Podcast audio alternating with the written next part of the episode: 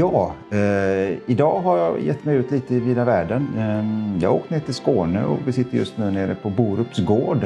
Eh, en bit utanför eh, Staffanstorp kan man väl säga. Eh, framför mig sitter eh, Stefanie Werder. Eh, en tjej, en ung tjej som de flesta känner från eh, Montesidan kanske, men som, som också är eh, framförallt nu det sista kanske mycket aktiv, mer aktiv inom sulky-delen också. Välkommen Stefanie! Tack så jättemycket. Roligt att vara här och träffa dig. Ja, det är jätteroligt att du kommer hit. Ja, Till lilla jag. precis. Det, och jag känner mig också ganska liten i den här världen ska du veta. Så Ja. vi är liksom, då, då får vi hjälpa varandra framåt. Eh, berätta lite om dig. Vem är du? Nej, men jag är väl eh, en tjej som eh, kanske från början av i alla fall känd i Sverige som en tjej som kommer från Norge. Men jag är ju egentligen svensk. Ehm, jag började ju med trav i Norge eh, men har hållit på i Sverige tidigare som med hoppning och så. Så eh, ja, och i Norge som eh, jag blev intresserad utav att träna travhästar först och främst. Och sen har blivit, vad ska man kalla det, man har blivit förtjust i delen av att tävla också. Och då har det blivit att man har börjat med monté eftersom att sulkesporten är så eh, mansdominerad och monté är lite lättare för oss tjejer som är lätta och smidiga och ja. Men du började inte i travet utan du började kanske som de allra flesta egentligen börjar med hästar då, med, inom ridsporten. Ja, jag började med hoppning eh, faktiskt på MCR på Jägersro. Så det är Okej. Vägg i vägg med Ja. Jägersro travbana. De hade ju en liten travavdelning med travponnysar där också men eh, det där med vagn det var liksom aldrig något för mig Nej. den gången. Nej. Och, och hur, hur gammal var du när du började? Oj, jag kommer faktiskt inte ihåg riktigt men kan jag ha varit sju, åtta år? Det har ju varit lite hemligt eh, till att börja med eh, eftersom inte mamma har varit sådär eh, jätteförtjust i att jag ska hålla på med hästar på grund av lite, ja, men lite bakgrund eh, tidigare att det, det är farligt. Okej. Så, så du fick nästan smyga för din mamma då eller? eller hur? ja men pappa och jag gjorde en liten deal kan man Nej. säga. det var ju lite så, pappa är ju eh, golfentusiast och eh, ja, men han jobbar ju faktiskt som golftränare numera också lite i Thailand på vinterhalvåret. Eh, och mamma har ju alltid varit golfintresserad också. Eh, sen långt bak i där så hade väl mamma någon gång tagit hand eller ridit eh, lite på sin eh, pappas häst när han eh, jobbar som veterinär. Men eh, annars har det nog inte varit så jättemycket häst. Det var det inte? Nej. Ja, så vi gjorde väl en liten deal där med pappa att om, eh, om jag skulle få lov till att hålla på med hästar lite i hemlighet kan Ja. man säga för mamma så skulle jag också hålla på med golf. Eh, Okej. det var inte så jättelänge för jag var inte så jättebra på det. Jag var mest, ja, man kan säga jag var mest farlig med den här golfklubban i handen. Så det, ja. Så han insåg kanske ganska snabbt vart det lutade och... och... Han försökte ju, man fick lite snygga... Jag kommer ihåg att jag fick ett par ros, ljusrosa golfhandskar som var utav märket Nike. Och eh, fick vara med in på de här golfshopparna och det såg så fint och dyrt ut. Men eh, det var liksom aldrig något för mig. Nej. Jag, eh, det här med att svinga runt med en klubba i handen och han sa känn lugnet och titta ut över gräset. Det var inte helt min grej. Jag har så mycket energi i kroppen så det... Nej, det blev, det blev faktiskt riktigt fel. Så han insåg det väldigt fort att det är nog bättre med häst. Och du kände dig hemma med hästarna med en gång eller? Ja, alltså jag älskar djur. Jag har ju liksom alltid äls- älskat eh, hund, katt och kaniner och marsvin har jag också haft. Men eh, pappa har ju alltid varit allergisk så det har ju aldrig varit sådär jättelätt eh, Nej. att dra hem djuren. Men eh, man har smugit in dem sakta men säkert att det har börjat med hund på lån och sen har det blivit en hund och sen har det blivit häst. Det, det finns en liten röd tråd med att smyga in saker och ting i Ja. familjen. Där kanske... Man måste ställa in det Ja, och så måste man låtsas som man inte har en plan. Precis, precis. Men det här lugnet som din pappa pratar om på golfbanan. Mm. Kan det ha varit så att du fann det ihop med hästen? Ja, alltså jag njuter ju när jag sitter på hästryggen och kan rida ut i skogen och så. Så någonstans ligger väl det i att eh, man får ett lugn när man håller på med en sport. Men det ska kännas hemma också. Så det var liksom, det var rätt i sidan men fel i höjd typ för din farsa där? Att han, han hade rätt i den biten men det var på fel ställe? Ja, det tycker ja. jag verkligen. Jag ja. tycker att eh, det där, eh, nej men det är för mycket energi i mig. Jag måste kunna röra på mig mycket mer. Och, eh, det kan man ju inte riktigt när man håller på med golf utan man ska ju fokusera framåt eh, och svinga den här klubban och träffa bollen. Och när man inte träffar den så blir jag bara irriterad. jag, var mer liksom, jag var mer intresserad av att plocka de här piggarna i olika färger runt omkring ute på golfbanan eller snygga bollar. Nej, lite så faktiskt. Ja. Så hästen tog mer och mer över för din del. Några andra sporter eller aktiviteter som har funnits eh, bakom i det läget? Eller var det du, liksom, du kände? Jag har alltid varit ett väldigt aktivt barn. Ja. Eh, jag har aldrig varit det här barnet som sitter hemma och tittar på tv eller håller på med tv-spel. Eh, så jag har alltid velat göra allt samtidigt helst. Så jag har ju tidigt har jag börjat med friidrott eh, och tränat väldigt mycket i mina unga dagar. Eh, på MAI inne i Malmö där jag blev, faktiskt blev uttagen eh, under en skol... Eh, vad ska man säga? Tävling. Ja. Alltid gillat att springa och hoppa längd. Det har liksom varit min favoritdel och sen har det ju då varit hästsidan om såklart. Så det har varit svårt att kombinera och sen har jag hållit på med musicals och dans också när jag bodde i Norge. Jag tycker okay. det är väldigt kul att dansa. Och, eh, farsan där har ju alltid eh, sjungit i kor när jag var... Eller kor, heter det kor på svenska? Kör. Kör. kör. Ja. Eh, man blandar lite med norskan och svenskan där. Nej, men vi har liksom alltid, eh, han har alltid sjungit och spelat mycket gitarr hemma och jag har alltid eh, gillat att sjunga med. Så det har ju blivit lite att musicals, det var en grej för mig. Och sen eh, alltid, allt. Ja, men jag ville ju alltid vara bäst på allt vi höll på med på skolan. Ja. Så när vi skulle åka skridskor så hade jag alltid eh, en sån här skridskoklänning. och det skulle vara bra skridskor med trähäl för de var det mycket bättre spänst i. Okay. Eh, så det har verkligen varit allt. Mm. Du har testat på lite olika grejer? Ja, alltså jag har nu varit ett barn som har velat testa allt och sen så har det aldrig dukt med att det ska vara sådär utan jag är en tävlingsmänniska. Jag har alltid velat vara bäst. lite så är det. Sen kanske man... Eh, sen det att vara bäst, det betyder inte för mig kanske att vara bäst nummer ett i en statistik utan eh, och göra det bästa man kan och kämpa väl och känna att man utvecklas. Eh, och att man kan lita på sig själv. Det för mig är kanske att vara bäst. Just det. Mm. Att hitta sitt bästa jag. Ja, att kunna vara en förebild för andra.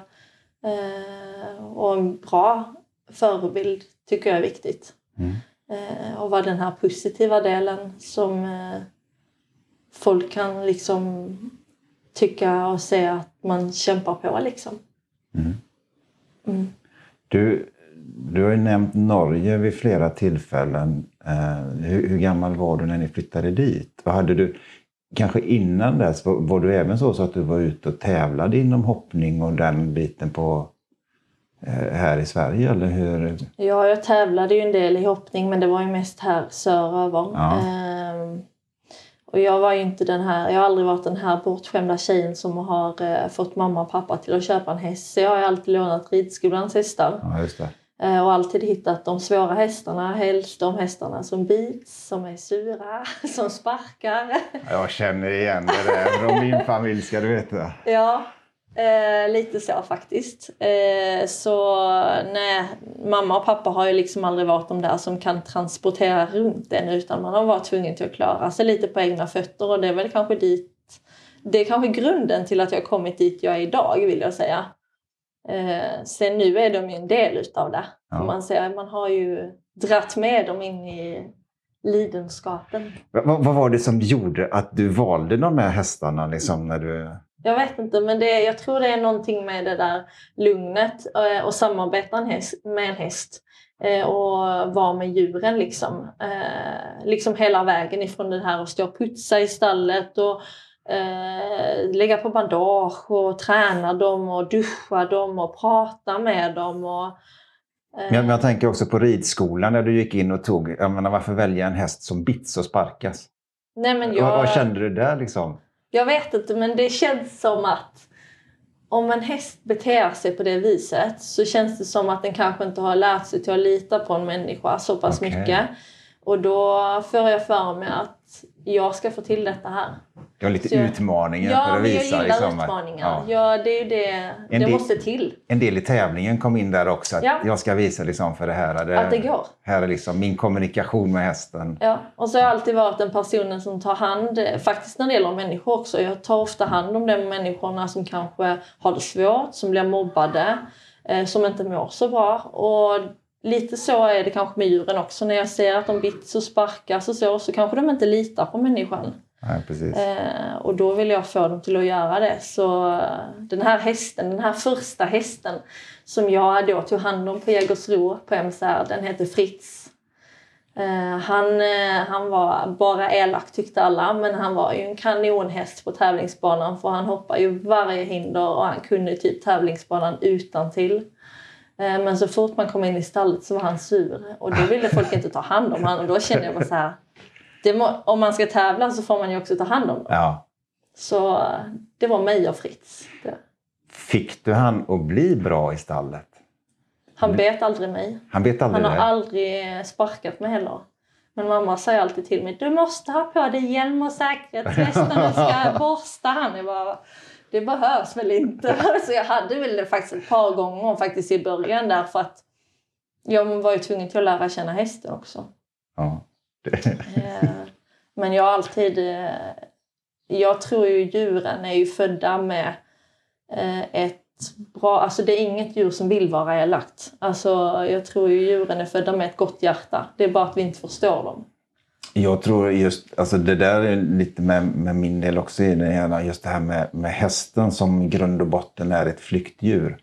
Eh, och om man, för oss människor i, i, min värld så handlar det om att hitta förtroendet för dem och att de ska liksom se att, att, att jag vill väl, jag är liksom inget, inget, eh, ingen fara eh, för dem och då brukar de också kunna landa ner till slut i det läget.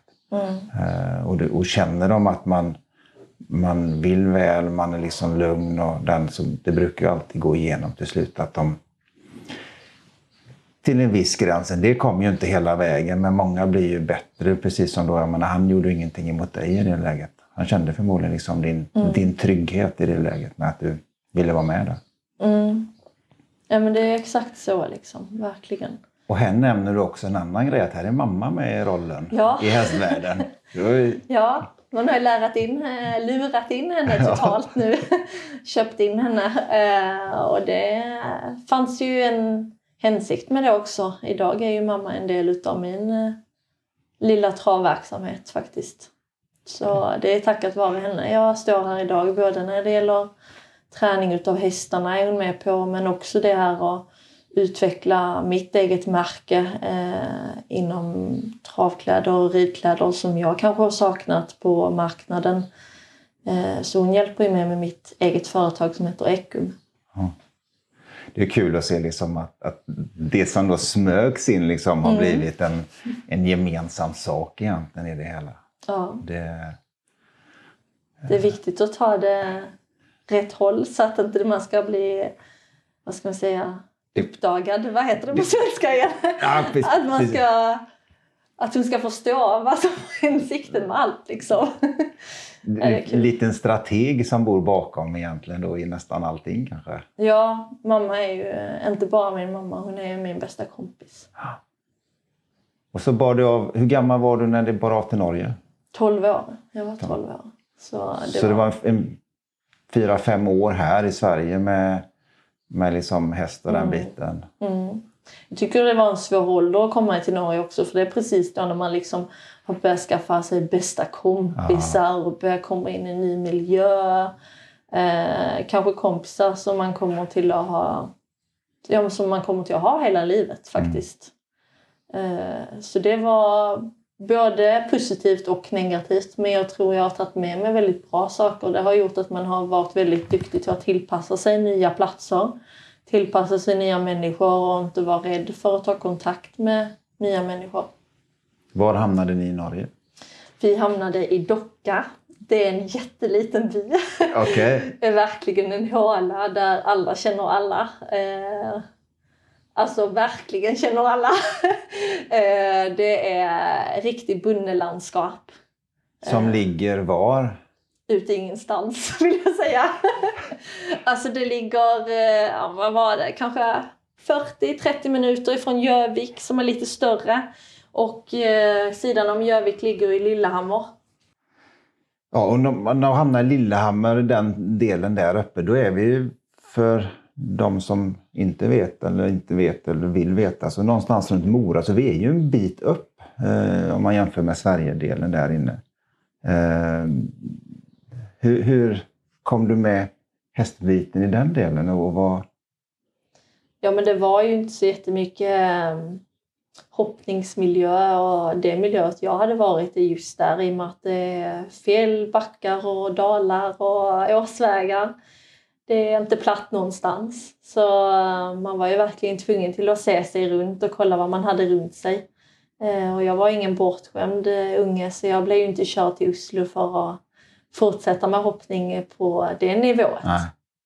Så det blev ju naturligt för mig att titta mig runt och inte så långt hemifrån, ja, men 500 meter, så var det faktiskt ett stall. Och med fyra travhästar. Så det blev ju naturligt för mig att springa ner dit och fråga om det var något jag kunde hjälpa till med. Där tog mamma hand i hand och gick ner och frågade han om jag kunde vara med och efter skolan och borsta och lite så. Okej. Okay. Och, och jag förstår ju att han sa gladeligen ja. Ja, men det gjorde han. Han sa ja men hon får lov till att komma ner hit och borsta och frågade om jag kunde rida och sådär. Ja men det kan jag, sa jag. Och var väldigt stolt. Eh, så jag fick lov till att börja rida och vara med på deras eh, träningar och intervaller uppe mot Ås, Åsvägarna. Eh, så vi red i rygg på sulkin, hans fru och jag. Så han, han, hade alltså, de red redan innan du kom dit in? Och, ja, ja, precis. Hans fru höll på med eller hon höll inte på med monté men hon ridtränade ja, helt enkelt hästarna så att de kunde träna två hästar om gången. Så det var ju kul när vi kunde bli tre. Jag har egentligen två frågor som kommer i den här biten. Och den ena är eh, 12 år, 13, mm. stora travhästar. Mm. Han var väldigt rädd för att inte jag skulle klara att hålla. Det var Precis. Eh, det tog nog ganska lång tid innan jag fick lov till att kasta mig upp på hästryggen och vara med på intervallerna faktiskt. Jag fick rida mycket runt omkring på deras gård mellan hagarna eh, och försöka rida till hästarna lite så att de blev lite mer eh, ja, men jobbade rätt under sadel. För de var ju bara lärda att springa fort. Ja. Eh, och jag hittade ju också en häst där som var sur, bet. som hette Annika Nips. Eh, som inte hade gjort så jättemånga travlopp. Som blev eh, ja, min häst typ. Din typ av häst? Ja, alltså Jonny sa det. Den här kan, den kan du ta. Schysst! Så, så, det blev, så jag och Annika vi gjorde allt. Liksom. Jag drog fram bummar upp i skogen eh, för att liksom lära henne att varva ner. Och hon var ju rädd för bilar. Och det var ju eh, ett stressmoment för min mamma ja. framför allt. Eh, att hålla på med såna här hästar. Men samtidigt så Jonny var väldigt ansvarsfull. Liksom. Han såg alltid till att det var alltid någon på vägen som följde med oss för att stoppa bilarna. Och, han nej, han var verkligen en riktigt bra ambassadör för travsporten. För det är tackat vare han att jag, jag sitter här jag gör idag. Ja, precis. Du, du, tog med, du sa att du använde bommar och sånt. Du tog med dig lite saker ifrån, ifrån hoppningen då in för att, att träna? I början blev det ju lite så, för ja. att det var det jag kände mig trygg och bra på. Ja.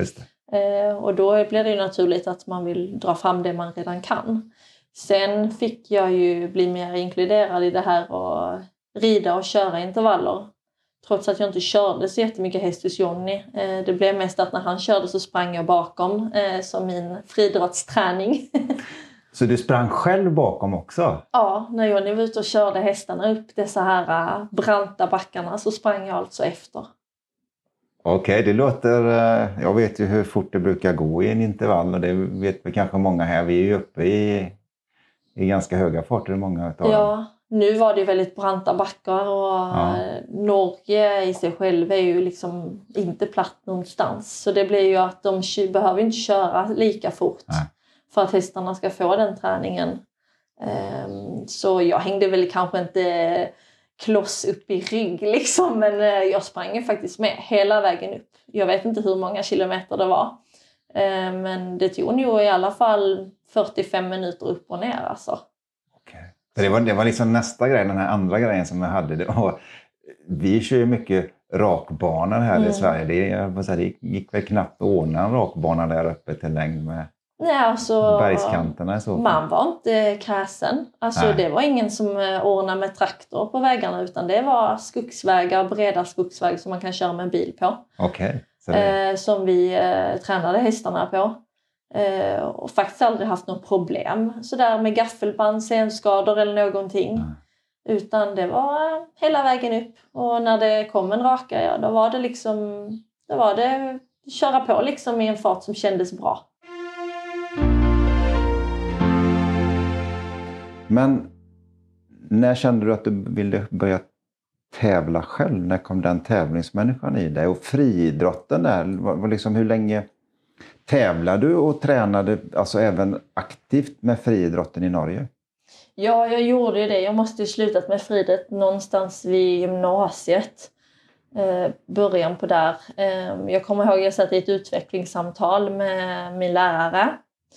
Eva Kristenstuen. Hon sa till mig att eh, hästar, det kunde jag hålla på med när jag var äldre. För det gick ju alltid att hålla på med. Ja. Men eh, nu medan jag var ung och smal och spänstig så borde jag liksom ta tag i den här friidrottsdelen eftersom att eh, hon såg talang i mig. Och Men jag, det var någonting som gjorde att jag inte klarade att släppa hästarna. Det, var liksom, det tog för lång tid att träna. Det var liksom upp tidigt på morgonen för att träna sig själv, sen skola, sen komma hem tillbaka, träna igen. Jag tränade ju gärna två gånger om dagen den gången. Och sen liksom hästarna. Eh, som jag fick ju välja ja. och eh, då föll ju valet på hästarna.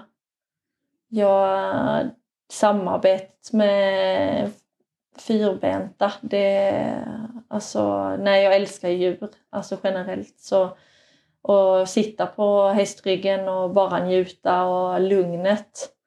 Och hästarna är ju liksom alltid glada och positiva. Till att börja med så var jag ju absolut inte eh, så inställd på att jag skulle tävla med trav faktiskt. Eh, Jag ville ju bli som Jonny, jag ville ju bli travtränare. Okej. Amatörtränare var ju han. Så, eh, och jag gillar ju den här träningsfysiologin. Det kommer ju säkert lite ut av att jag har tränat mycket själv. Ja. Och använde väldigt mycket av min tankegång när jag skulle träna hästarna. Så det var väl det jag blev kär i först. Eh, Och sen så plötsligt så dök ju Liv Pedersen upp på en travbana. Och hon eh, red ju monté. Eh, Hon har ju nog 12 landschampionat. Det är en fantastisk kvinna. Hon är ju på min mammas ålder. Så hon måste ju vara bra över 40 år ännu. Och det är väl där montén kommer in. Ja. Och, um, om jag ska jämföra monté med friidrott så är det ju det där att använda sin egen kropp och känna att man tränar. Så jag tror det är därför det har hamnat med väldigt hjärtat. För att man, ja, men man rider fort, man måste ha styrka i benen, man måste ha kondition, allt det där liksom. Och då blir det ju både hästen och träning av sig själv. Precis. Det är inte bara att man sitter bakom en vagn och kör utan man får ett eget Mm, fysisk ansträngning för att göra det. mm. Det är klart, den har du ju haft i och med att du har ridtränat hästarna sedan tidigare i det läget. Hur Ja. gammal var du när du hade din första tävling? Jag tänkte monté. Ja. Oj. Eh, jag fick ut licensen i 2012 så det var ganska sent. ja. Eh, men jag hade bestämt mig väldigt hårt på förhand att eh, ingen skulle få lov till att se mig rida på en travbana förrän jag klarade stå upp i två varv eh, på ett bra sätt. Eh, och jag hade ju förebilder så, så, som Siv Emilie Löfvold och Liv och sådär. Hur lång tid tog det om man säger som så ifrån det du såg Liv där på banan och kände att monté är en, en cool grej, det vill jag vara med om, tills där du själv liksom hade landat ner i det? Svårt att säga men det måste ju minst tagit ett år. Ja. Eh, för jag tränade fruktansvärt hårt eh, hemma när jag var med Jonny och Marit uppe på åsbackarna och red intervaller. Att jag skulle stå och korta stigläderna. Och jag fick ju rida mm, en lokalkörning som det heter i Norge. Eh, ja, det är utan pengar och sådär. Typ bygdetrav egentligen Ja, i Sverige precis, kan man säga. Precis. Jag fick ju rida ett bygdetrav på Vinjarmon som då är en pytte, pytteliten lokal bana i Docka, där var vi bodde. Så det fanns alltså även en liten sån travbana i, Ja, den i blev den knappt använd alltså. Men eh, den fanns. Så det ja. Så det var ju... Eh, jag märkte ju hur fort jag kände att gud, det här är ju jättejobbigt. Eh, och då förstod jag ju också att om jag ska rida så eh, vill jag att folk ska komma ihåg att, man, att det ser bra ut när man sitter på hästryggen. För det är ju första intrycket som räknas väldigt ofta. Och därför så blev det ju så att jag tog kontakt med Liv och hennes man André H. Stensen som är travtränare på Biri travbana fortfarande idag. Eh, att varje gång Jonny var på Biri travbana, som då var min hemmabana, så luskade jag runt och frågade Liv och skickade henne sms och ringde och var supertjatig alltså. Eh, och däribland då så var det ju en annan tjej, yngre tjej, som eh, började hjälpa mig så här med montersadel och rida jobb. Ja. Och hennes pappa Sten Egil Nervik, han var supersträng alltså. Han sa det att nu tycker du hänger lite i röven eh, där på bortre långsidan. Han får ta sig och skärpa till dig. Så han var ju ganska hård faktiskt mot mig. För jag var ju inte så gammal. Det här med, med att rida och sitta på ett specifikt sätt har- det också med, alltså jag är helt jädra novis om det här med, med monté. Jag har ju sett det Mm. så, men, men det har väl också ett sätt med hur hästens rörelser och få den att, gå rätt och sånt. Där. Hur funkar Ja, så är det ju verkligen. Eh, I början så red man ju en vanlig stor sadel som stör väldigt mycket både ryttare och häst som Ja. är väldigt stor. Ehm, så det är klart det har någonting att säga. Eh, mitt mål är ju liksom att rida utan att störa hästen. Ska få känna sig så fri som möjligt och det är ju det hela montersporten går ut på. Det är ju det det handlar om i Frankrike. De hästarna som inte får plats i vagnen, som eh, har lite platsproblem och, eller kanske är rädda helt enkelt. När du kom igång där nu och började tävla i Norge, Mm. eh, hur kunde du tävla Jonnys hästar i monté eller fick du leta utanför? Eller Ja, hur fick... det var den hårda vägen. Det var det med? ja, Jonny hade inga monterhästar. Ehm, det hade han faktiskt inte. De eh, tävlade liksom bara i sulky. Eh, de få som gjorde det hos han.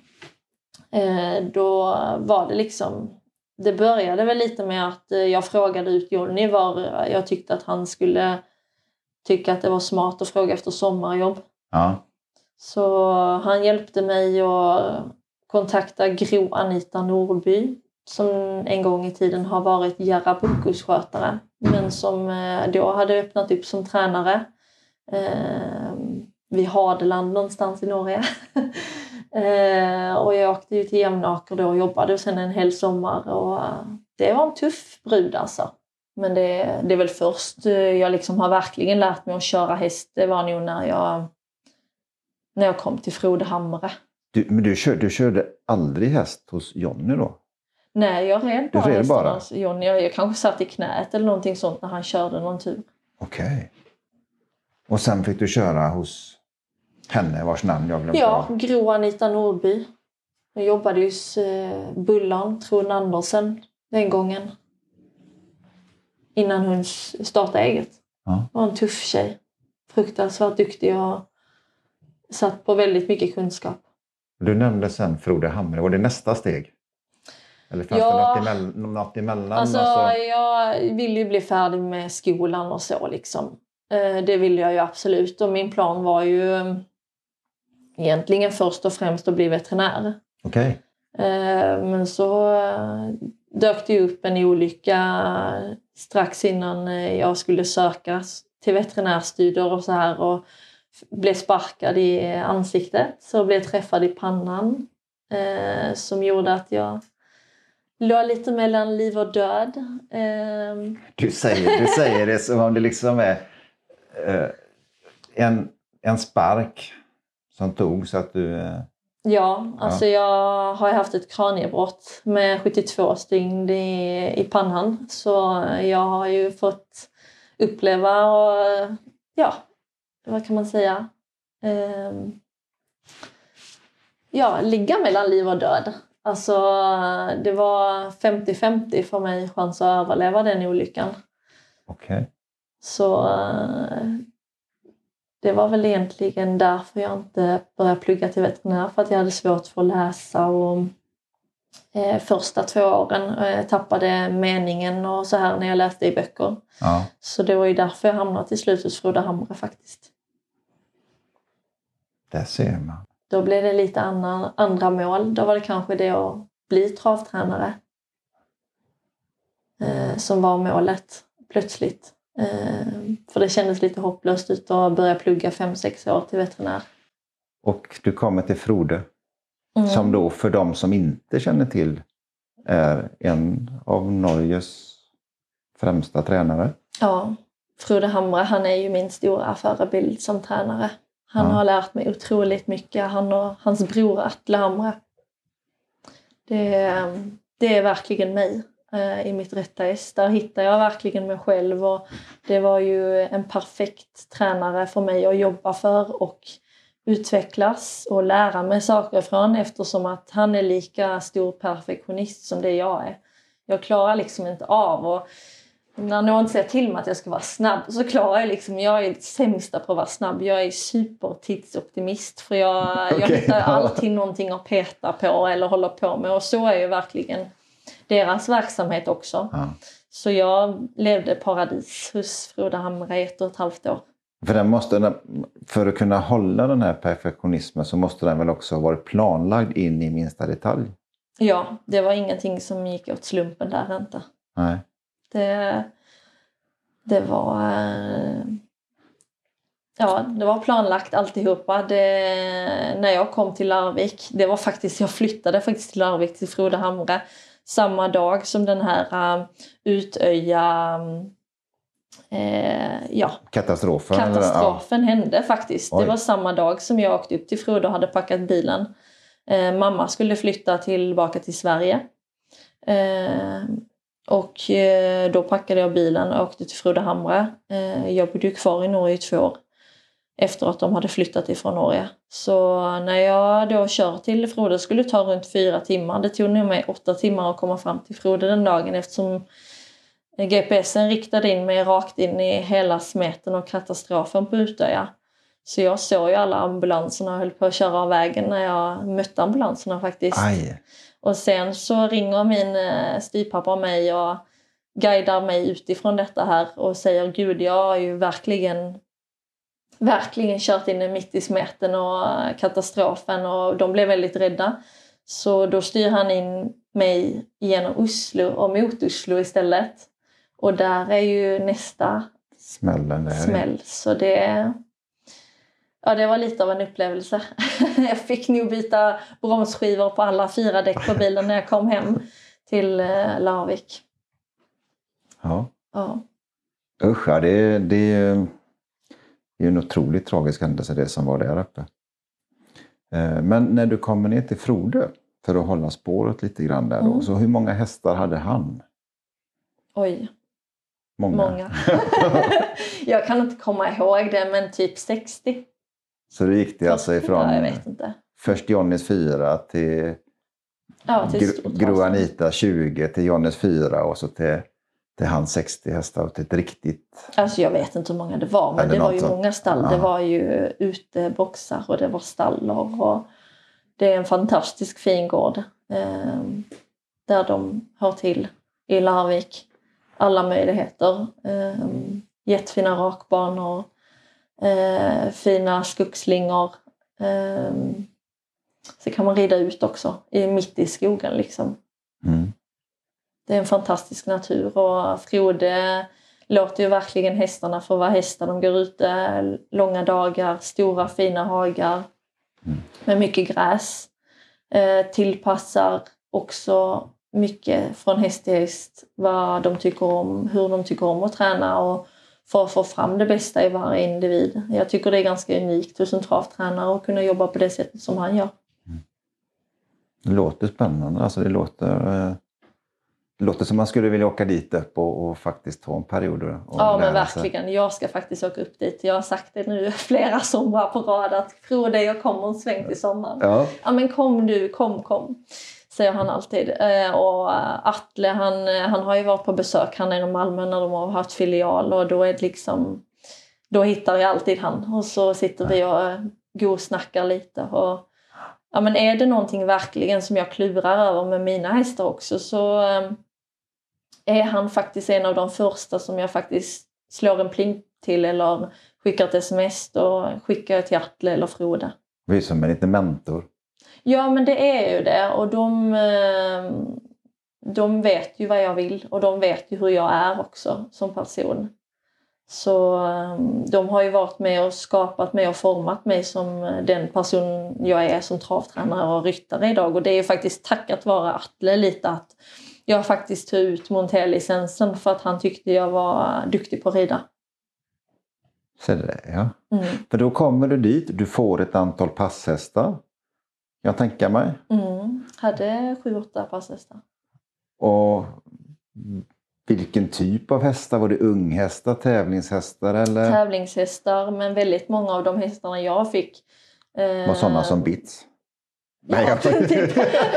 Nej men det var kanske hästar som hade varit skadade men som hade otroligt mycket kapacitet till och liksom vägarna framåt för att kunna bli en riktigt bra häst. Ja. Men att det var någonting som hade hänt på vägen. Eh, och jag brukade någon gång kliade mig i huvudet och gick bort till Atle och sa liksom att varför kan inte jag få någon av de här derbyhästarna? Så sa ju liksom Atle det att det är en grund för att jag satt dig med de här hästarna och det är för att jag tycker du är noggrann och att du gör ett bra jobb och jag tror du kan få dem till att komma dit en dag. Så eh, jag hade ju faktiskt, jag fick ju faktiskt lov till att vara med om eh, att vara med i ett kriteriekval eller final, jag kommer inte riktigt ihåg, men Rait Sakra, han var ju med på en av de här stora loppen. Okej. Så man har ju fått vara med på lite av varje. Och hos Frode så är det liksom... Alltså hästarna bara vinner och vinner. De Ja. stortrivs. Eh, Och jag förstår mycket väl varför. Om jag skulle varit häst så hade jag velat vara häst. Ja, det, det, det är ett riktigt bra ställe och Atle är så, Atle är så energisk som person. Han är, mm, snurrar väldigt mycket i huvudet. Eh, han är en fruktansvärt duktig hästkar. Eh, han är sträng och väldigt rakt framåt. ja. Eh, Men Frode är den här eh, lugna själen liksom. Så eh, nej. Två kanske lite motsatspoler som kompletterar varandra. Ja då, men på eller? ett sätt. ja. Mens, eh, Fortfarande samma driv bägge två kanske och så olika personligheter som... De utgör ju en fantastisk eh, kombination. Ah. Så um, nej, jag har fått lära mig extremt mycket av de här två människorna faktiskt. De har gett mig verkligen alla redskap för att kunna, för att kunna komma dit jag är idag. Och då kom Montén in. Atle sa till dig, du ska rida Monté. Han sa man- det, det blir ju svårt att jobba här samtidigt som du ska rida monterlopp. Så- För de hade inga Montéhästar då eller? Nej, de hade ju inte det. Eh, Montén var ju eh, lite mindre än den är idag i Norge. Ja. Trots att den var väldigt mycket på väg uppåt. Ehm, Så nej, det var inga montéhästar där. Det var liksom V75 som gällde på de flesta. Så det var ju svårt, men jag fick ju rida mycket hästar hos Frode Atle och utveckla och jag liksom testa på det där att rida i olika hästar varje dag och lära sig hur man ska hantera dem. Så det var ju kul. Det var ju aldrig så där att vi inte fick lov till att rida hästarna. Nej. Nej, de fick, de fick lov till att ridas. Det var inga problem. Det tyckte han nog bara var positivt att de fick göra någonting annat i tillägg till den vanliga träningen. Precis.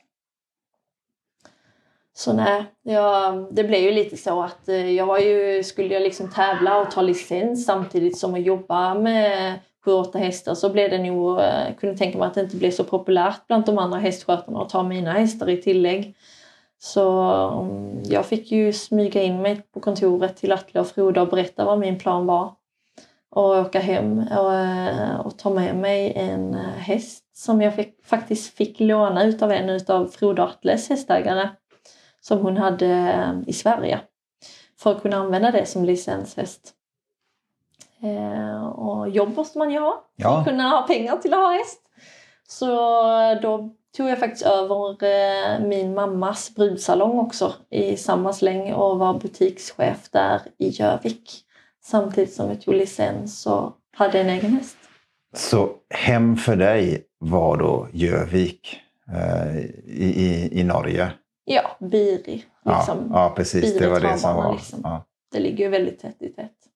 Och vad, vad, kom du, vad kom du liksom, då fick du med en egen häst och stalla upp den och, och du tog över en butik med, med bröllopskläder och prylar. Mm. Uh, och uh, vad, vad, hände sen?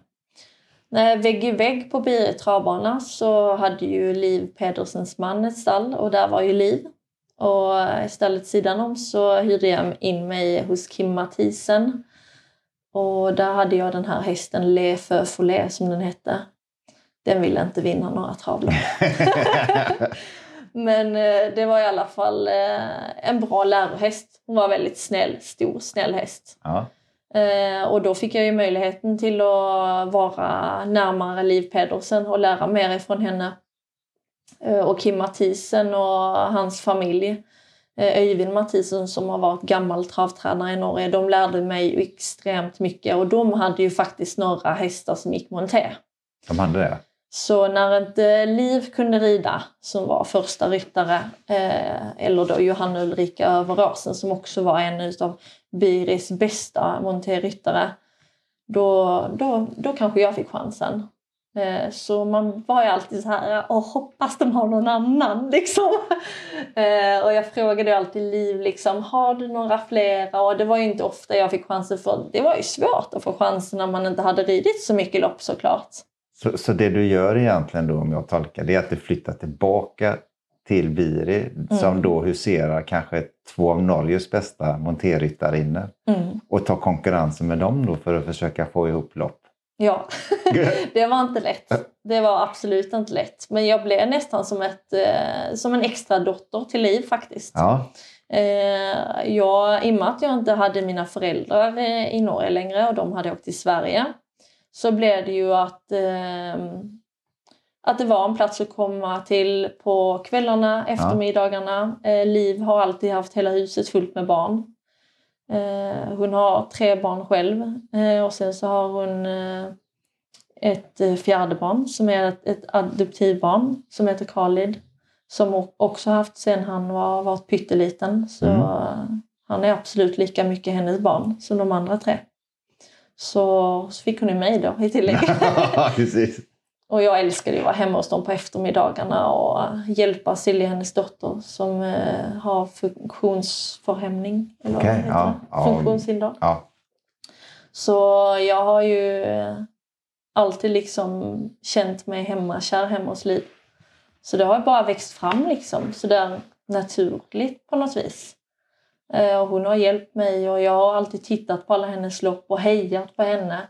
Och sen när man väl en dag sitter där sida om sida bakom startbilen eh, med henne sidan om. Det, I början var det bara att ja, men jag följer efter dig. Gick hon ut i andra spår så hängde jag på ut i andra spår liksom i rygg.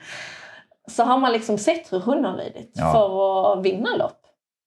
Och sen när man då plötsligt står där en dag och på upploppslinjen och tittar på varandra eh, under ett lopp faktiskt på Leangen travbana och vinner över sin stora förebild. Då skrattar vi bara. Alltså, nej, det är en sjuk känsla. Ja. Vad sa du? Ja det är det va? Ja. ja. ja. Det, alltså Liv har varit liksom allt för mig när jag bodde i Norge. Och det är hon fortfarande. Vi pratar mycket tillsammans och firar nyårsafton tillsammans. Och Nej, hon, hon är en del av min familj och hennes familj är min familj. Mm. Men, men alltså, bier är ju där runt omkring. Det måste bli ganska många av, långa avstånd för att komma åt de här hästarna och rida och sånt. Mm. Uh, för jag menar, eh, montersporten, nu har vi pratat ganska länge, jag menar, det är ju ett, ett sätt att, att tävla i trav där man rider den i trav egentligen. Det har vi inte ens sagt egentligen, men, men eh, och, och det är ju inte, det är inte varje dag som jag ens vet om på den tiden att det var monterlopp på varje bana utan det fanns ju begränsad uppsjö med lopp också. Mm, det var inte så jättemånga lopp och det är ju fördelat både på kallblodslopp och varmblodslopp i Norge. Ja. Så uh, tur nog så hade jag ju Liv och Liv eh, åkte ju och reste land och rike. Okay. Och hennes man. Så jag fick ju åka med dem i bilen. Ja, ja, ja. Så det var långa resor på, oh, ja jag vet, vet inte hur lång tid vi använde, alltså från Biri till Leangen. Men de åkte ju dit varje måndag. Och det, oh, jag vet inte om det tog sex eller sju timmar alltså wow. att åka en väg. Men vi var hemma mitt i natten. Ofta var vi hemma när solen började komma upp på morgonen. Liksom. Okay. Då skulle man jobba ett par timmar senare. Men eh, Leangen var ju liksom en bana som det var lite lättare för rytter eftersom att det inte var så mycket ryttare. Nej. Så därför var det nog eh, ett bra ställe för mig att satsa på. Eh, men man skulle åka över Dovrefjäll och snö och ja, det är riktigt fin natur men det var inte lätt att komma sig dit, det kan jag säga. Jag har ingen aning om var Leangen ligger. Så att det, men, eh, Trondheim. Oh, Jättefint land, fantastiskt fint eh, landskap. Det är det verkligen. Jag älskar hur de pratar där, folket. Det är speciell dialekt. Ja, det, det, är, det är ju en bit upp igenom helt klart. Mm. På norska, fina mm. vägar. Ja, svänga. ja. Och i tillägg när man har lätt för att bli åksjuk så har det inte varit så lätt. Men eh, det var bara att kasta i sig en Pustafen och lägga sig bak i bilen och sova och sen försöka kvicka upp när man var framme. Och nu är vi monterdelen. Vi har kommit fram en bit i tiden. Eh, när, när kom tankarna sen på att flytta tillbaka till Sverige? Hur, hur... Ja, jag bodde ju typ två och ett halvt år i Norge efter att mamma och de hade redan flyttat. Eh, jag, det var ju väldigt tungt att vara ensam. Eh, jag hade en hund, en grandanoa, som ingen ville passa eftersom hon var så stor. Så det var svårt att få tag i pass. Eh, ja, men man fick ju dra med sig henne. Hon har ju varit med på alla världens bilresor, den här hunden. Så det har ju blivit att eh, en gång i månaden försökte jag liksom sätta mig i bilen och köra hela vägen ner till Malmö som tog sju och en halv timme en väg.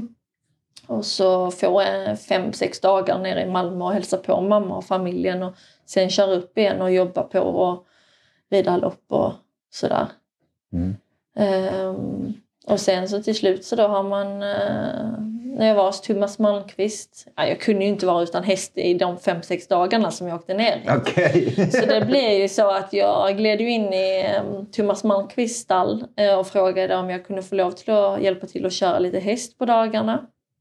De dagarna jag var där. Ja. Uh, så sa jag mamma, men ska du liksom inte ta lite semester nu när du väl är här nere? Ja, men jag klarar inte att klia hela kroppen, sa jag. Semester med hästar? Ja, eller hur? Så är det. Så då har det liksom blivit att jag frågade Thomas och varit lite med där. Plötsligt så dök det upp en eh, kille som man blev lite kär i också. Eh, och så blev det ju att man längtade ju mer och mer ja, ner till. Sverige. Det blev ju på något sätt lättare på alla sätt och vis att ha ja. sin familj runt sig. Hade det inte varit för liksom att det var så tungt att vara själv och ung i Norge så hade jag nog stannat i Norge för jag älskar Norge. Ja. Men eh, det blev mycket lättare att ha en familj runt sig faktiskt. Ja, så kom det då liksom de här känslorna kan jag tänka och kanske bilden av att flytta tillbaka till Sverige, saknaden av familjen och den här delen. Eh, vad, eh, blev det så att du, du hintade lite när jobb du har varit inne hos Thomas Malmqvist? Var det där du landade ner när du kom tillbaka till Sverige? Ja, alltså det blev ju ett sätt att komma tillbaka till Sverige på för att kunna ha en ekonomi och klara sig. Liksom. Eh, sen blev det ju att eh, när jag hade sommarjobbat lite hos Thomas eh, och fått lite körerfarenhet där också ifrån så var det ett litet, lite mindre stall vid sidan om hos Marcus Bergman som jag fick möjlighet till att jobba lite extra och var lite mindre jobb att göra där. Så då kunde jag ha lite andra sysslor vid sidan om, mm. som att rida lopp.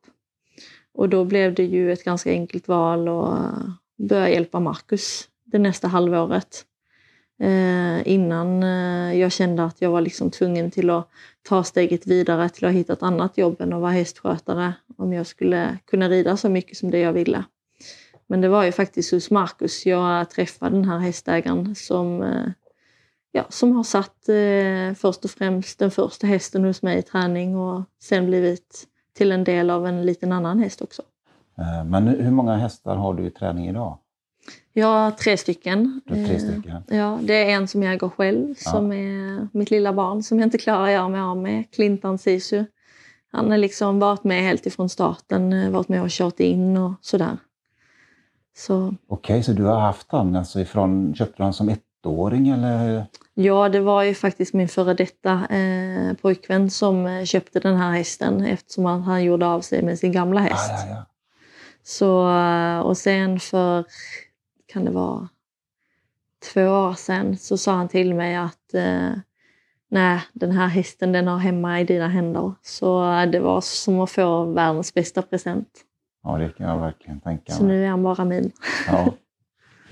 Vad härligt. Man riktigt ser hur det lyser i ögonen på dig när du berättar ja, och pratar det är ju en helt speciell känsla att jobba ja. med den här hästen. Han, eh, han är kanske inte eh, den som det är mest kapacitet i och utveckling i nu, men eh, den här tvåårssäsongen som han gjorde och alla de äventyren jag fick vara med på tillsammans med han med Svampen och Breeders Crown och Breeders Course, det, det är once in a lifetime. Ja, det, det du räknar upp där, det är väl lopp som de flesta som ger sig in i travet drömmer om att vara med. De här årgångsloppen med en ung häst.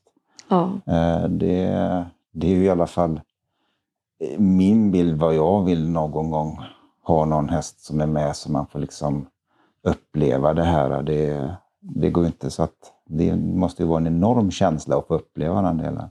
Ja, det har varit en enorm känsla eh, och otroligt spännande att vara ja. med på den resan. Och vi hade ju inte klarat utan eh, både Kasper som har eh, hjälpt till ja. med hästen och kört hästen och Thomas Malmqvist som har rekommenderat och rådfört. Och, han har verkligen varit med på en stor del av ja, men erfarenheten ja. med den här hästen. Eh, så eh, det känns jättebra och tryggt att ha han i sina egna händer nu. Nu när liksom karriären kanske tar mot en lite annan vändning eh, där han bara är min häst och jag kan ha det kul tillsammans med honom och jag kan lära mig att köra lopp. För det är ju det jag tycker är kul. Du säger köra lopp. Mm. Är det en ny karriär på G där? Montén, att rida, rida lopp, är det, är det mer köra som är... Alltså jag tycker det kan ge fördelar att både rida och köra lopp samtidigt. Ja. Eh, sen är det alltid lättare att få chansen för en tjej att rida en häst. Eh, speciellt då i Sverige. Ja. Eh, om vi tittar på det så. Men eh, Eh, jag tycker det är oerhört roligt att köra lopp. Eh, och min stora dröm är ju att kunna få lov till att köra lite mer än det jag gör. Eh, och nu finns ju möjligheterna när jag har tre hästar i träning mm, där alla ägarna tycker att jag ska få chansen att köra lite lopp. Ja, Sen kanske jag inte kommer till att köra de stora loppen om, om jag kommer så långt. För jag har en väldigt bra förebild och mentor i Johnny Takter så jag hoppas ju verkligen att han kan komma tillbaka. Ja. ja Johnny Takter är ju en av sulkevirtuoserna som vi har haft och har här i Sverige. Så att det, det är ju definitivt en av, skulle jag nästan säga, världens bästa kuskar. Ja, men det finns, alltså det, det finns ingen annan som kör häst som han gör. Nej, det, det måste jag också säga det läget. Eh, jag, jag är också imponerad av han tillsammans med många andra, men, men John är, mm. han har han har kört många grymma lopp, helt klart. Och där måste vi ta upp eh, en grej. Du gjorde ju faktiskt ganska bra reklam för dig själv eh, bara häromdagen. Eh, Mm. När du körde en av dina egentränade hästar. Ja. Ja, och vad hände där?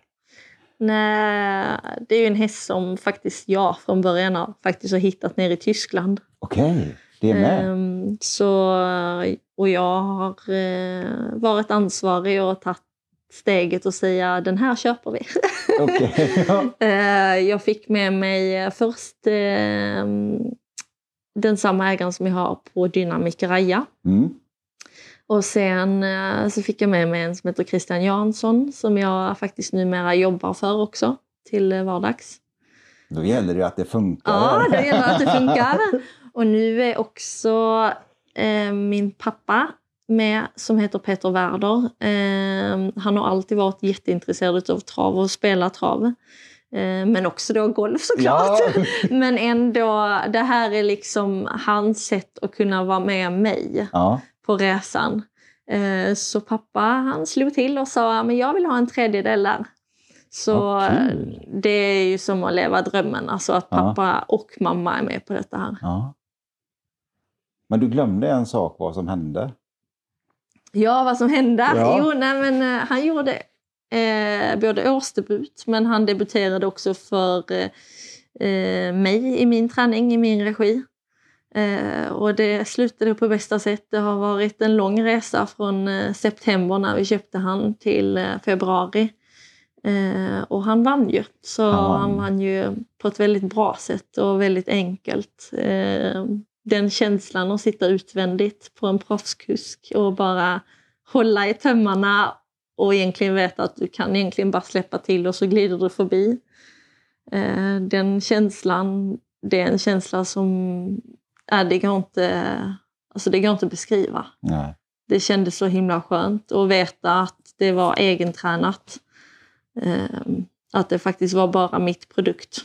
Min första kursserie tog jag inne på Åby till ett väldigt högt odds.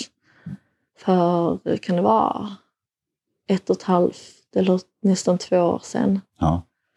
Ehm, Så det har liksom först börjat rulla på lite med styrningarna i sulky förra året. Och året innan det. eh, Eftersom jag hade lite hästägare som valde att satsa på mig. Och några har då slutat med trav som är väldigt tråkigt. Så Ja. jag hoppas att jag ska kunna fiska upp några nya. Som kan ge mig chansen och tro på mig.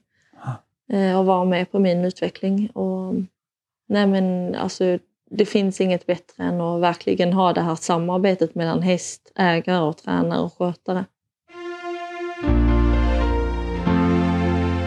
Största händelsen det måste ju vara att när, eh, alltså inom travet, det Mm. För min karriär och betydelsen. Det måste vara när jag vann i USA på The Big M Meadowlands. Eh, Det var en kanadensisk, ja, jag vet inte, vad heter det? Kanadensisk. kanadensisk tränare, en liten tränare som hade skickat över en häst eh, till USA som eh, jag hade sett i några av sådana här monté-kvalificeringar. Eh, den hade inte vunnit, men jag tyckte jag såg saker som jag kunde göra med den för att lyckas bättre. Ja. Eh, och då valde jag att åka ner dit och fixa sponsorer som kunde stå för min resa och rädda den här hästen. Och eh, den vinner ju faktiskt det här loppet i samband med Hambletonian Day. Okej. Så Det- var en eh, grym känsla. Och, eh, ja, jag vet inte hur jag ska beskriva det men eh, jag måste lite så här eh, klappa mig själv på axeln och säga att det var bra gjort av Stefan. Jag var så iskall som jag var men det lönade sig till slut för banan är ju så mycket, mycket längre i USA. Alltså liksom ett varv. Så det är svårt att... um, Ja, det var på en, det en, en engelsk mile då, alltså en hel milebana där du Precis. har ett varv är då 1609 Precis. meter. Så taktiken blir ju annorlunda i loppet. Ja. Eh, tur nog så hade jag ju varit där året innan och ridit en annan häst som jag hade varit trea med. Så då hade man liksom fått upplevelsen hur det var att rida på en milebana. Eh, för man kan ju inte ligga i andra spår. Nej. Man kommer ju inte till mål. Det känns i alla fall inte som det. Nej. Eh, Så det var tacket vare att jag var iskall och gick ner, kröp ner i rygg och sen att det löste sig på upploppet och då var det ju bara fritt fram. Hästen var ju grym. det var den verkligen. Det är väl kanske en av de bästa hästarna jag någonsin har ridit också. Eh, som egentligen också kunde fått möjligheten till att komma hit. Eh, men det avslutar ju på ett lite tråkiga sätt dagen efter där hästen eh, får kolik och ligger på bordet. Nej. Och, som tyvärr då går bort. Eh, och det är ett väldigt bra exempel på hur fort det kan gå mellan framgång och alltså katastrof, ja. för att säga det helt enkelt. Bara dagen efter som du vann blir det kolik? Ja, det, den, de ringer mig på morgonen och pratar om eh, att eh, tror du den här hästen kan duga i Sverige och tror du vi kan skicka ner den? Vilken, vilken tränare kan vi skicka ner den till? Vi är jätteintresserade av att ge, ge den chansen på svensk mark i Monté eftersom Monté är så mycket mindre i USA. Och det är klart man aldrig vet hur det kan gå. För Nej, det är ju men... två olika kontinenter liksom. Men det var ju kul. Och sen eh, tre timmar efteråt så ringer de och säger att hästen ligger på operationsbordet och att det är akut. Och 45 minuter efteråt så ringer de och säger att det inte gick att rädda. Så, oh, fy. Ja. Jag vet inte vad jag ska Det här är ju liksom, snacka om kontraster. Alltså, mm. Det är ju mm. helt jädra... Så det, det är nog den största händelsen i mitt liv på grund av att det gick så bra först men slutade ja. som det gjorde. Ja. Det är nog något jag kommer att ta med mig hela livet. Det gör ju om inte annat att man blir ganska ödmjuk för det man håller på med. Eh, när man liksom ser hur, hur liksom att det bara skiljer några timmar mellan ja. det som var full himmel. Jag får nästan tårar när jag sitter här nu när jag tänker över det. Ja, det...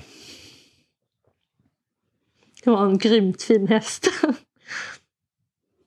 Mm. Ja, det, det berör mig med, Stefanie. Det är liksom eh, sånt, det, det är liksom Ja, jag, jag blir också mm. väldigt berörd av det här just för att det, när, när, man vet hur mycket som ligger bakom i kämpande och det gick bra och, och, eh, och sen bara pang bom. Nej, det, ja, det har varit en stor upplevelse att få lov till att åka både till USA och Kanada och jag har fått möjligheten till att vara i Polen och köra travlopp också. Liksom det, det blir ju liksom man tar ju med sig erfarenheter eh, ut och vara på olika kontinenter och mm. olika land och köra och rida travlopp i. Man lär sig väldigt mycket, träffa nya människor och det skapar kontakter som gör att man, eh, man kan eh, få nytta av dem till senare också. Mm. Det, jag slås ju nu av den här biten just alltså med att, om man nu får säga det, liksom, alltså att, att, att du då som en, en liten amatörtränare och som har jobbat som hästskötare och sånt får, får dels då vara i USA och vinna lopp och sen också nere i Polen och köra. Du har, du har varit i Norge och du är i Sverige. Alltså vilka, vilka möjligheter det egentligen finns. Ja, om man bara om man vill. Och ja, du har lagt ner otroligt mycket arbete då med att och, och vara proaktiv och, och ringa runt till, till tränare som, för, att, för att få de här loppen och för att få, mm. för att få visa upp dig. Så att det, vad, vad härifrån och framåt nu då? Vad, vad tänker du vad, vad, tänker du framtiden? Vad, liksom, vad, vad, vad finns det för drömmar? Vad finns det för visioner? Mm. Min stora dröm är ju att köpa en gård. Det är det? Ja. Helst inom två år. Okej, okay, det finns ett tidsbestämt mål ja. där också. jag, vill, jag vill leva drömmen så fort som möjligt. Ja.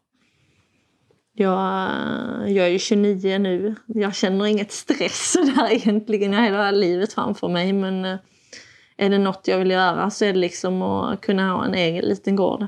Ja. Det behöver inte alls vara så stort. Det eh, kan vara plats till fyra, fem hästar som jag har själv och kanske hyra ut några boxar också. Eh, jag tycker det är kul att ha folk runt mig. Ja. Um, Sen så vill jag ju faktiskt ha ett annat jobb sidan om. Ehm, det kanske låter svårt men jag gillar att vara igång hela tiden. Sen behöver, behöver inte det vara ett fulltidsjobb. Idag jobbar jag 80 procent Och det är mer än nog. Det är 32 timmar i veckan och då man får ju utnyttja tiden, stiga upp på morgonen liksom, mm. så att man hinner med allt. Men eh, många undrar ju hur jag orkar. Men eh, det är liksom, vad ska man säga, sammansättningen utav både att jobba med häst och att ha ett annat jobb som gör att jag är den personen jag är. Mm. Det blir lite du, du, lever lite det som kanske många människor idag kallar det här gig-ekonomi om man säger att du, du vill dela upp din tid mellan olika saker och mm. där, där hästarna då är en, en del av den biten. Uh, mm. Och jag kan tänka mig att det är en väldigt stor energigivare till de andra jobben som du har. Mm. Jag tycker det, alltså all ära till de som jobbar som hästskötare Eh, mm. hela sitt liv. Jag tycker det är helt fantastiskt. Men jag kände bara det, om jag ska tävla och jag ska vara på topp när jag tävlar för andra. För de har jag använt hur många timmar som helst ja. varje dag för att få fram en träningsprodukt. Då vill jag vara utvilad och jag vill eh, kunna fokusera och hoppa upp i sadeln eller sulken med en positiv inställning. Och då är det väldigt skönt och går det dåligt i stallet så är det skönt att komma till ett jobb där ja. Eh, man glömmer det som var i stallet. Och så blir det ju detsamma tvärtom. Ja. Att går det dåligt på jobbet om man inte har sålt sina produkter eller varor och misslyckades under presentationen så har man hästarna att komma till. Ja. De är ju alltid positiva och alltid glada. Ja. Utom de i början som du hade som bit bet ja. de är egentligen glada de är. De är bara lite speciella. det är de. Ja, men vad spännande Stefan. Jag tycker den här stunden som vi har haft har varit otroligt givande för min del. Eh, jag är tacksam för att jag har fått lov att komma hit och träffa dig och lära känna dig och dela din historia och det du har varit med om men också då din framtid med att du vill köpa en gård och de visionerna du har där. Eh, så jag, eh, jag vill inte avsluta detta då med att tacka dig så jättemycket. Det är jag önska, som tackar. önskar dig all lycka till i framtiden. Tack så jättemycket för att du kom och att det finns sådana människor som dig som eh, tar tiden och åker runt land och rika och pratar med oss små amatörer också. Det är ja, roligt. Det, den glädjen är min. Jag får ut otroligt mycket av det. Så att det, det, jag tycker det här, det här är så jädra kul rent ut sagt. Det, man ska göra det man känner att, som ger en glädje. Det ska man göra. Så det spelar det ingen roll vad som kommer in i fickan eller ej, bara man får det runt. Det tycker jag att vi bestämmer här nu och så ser vi till att det blir så också. Ja.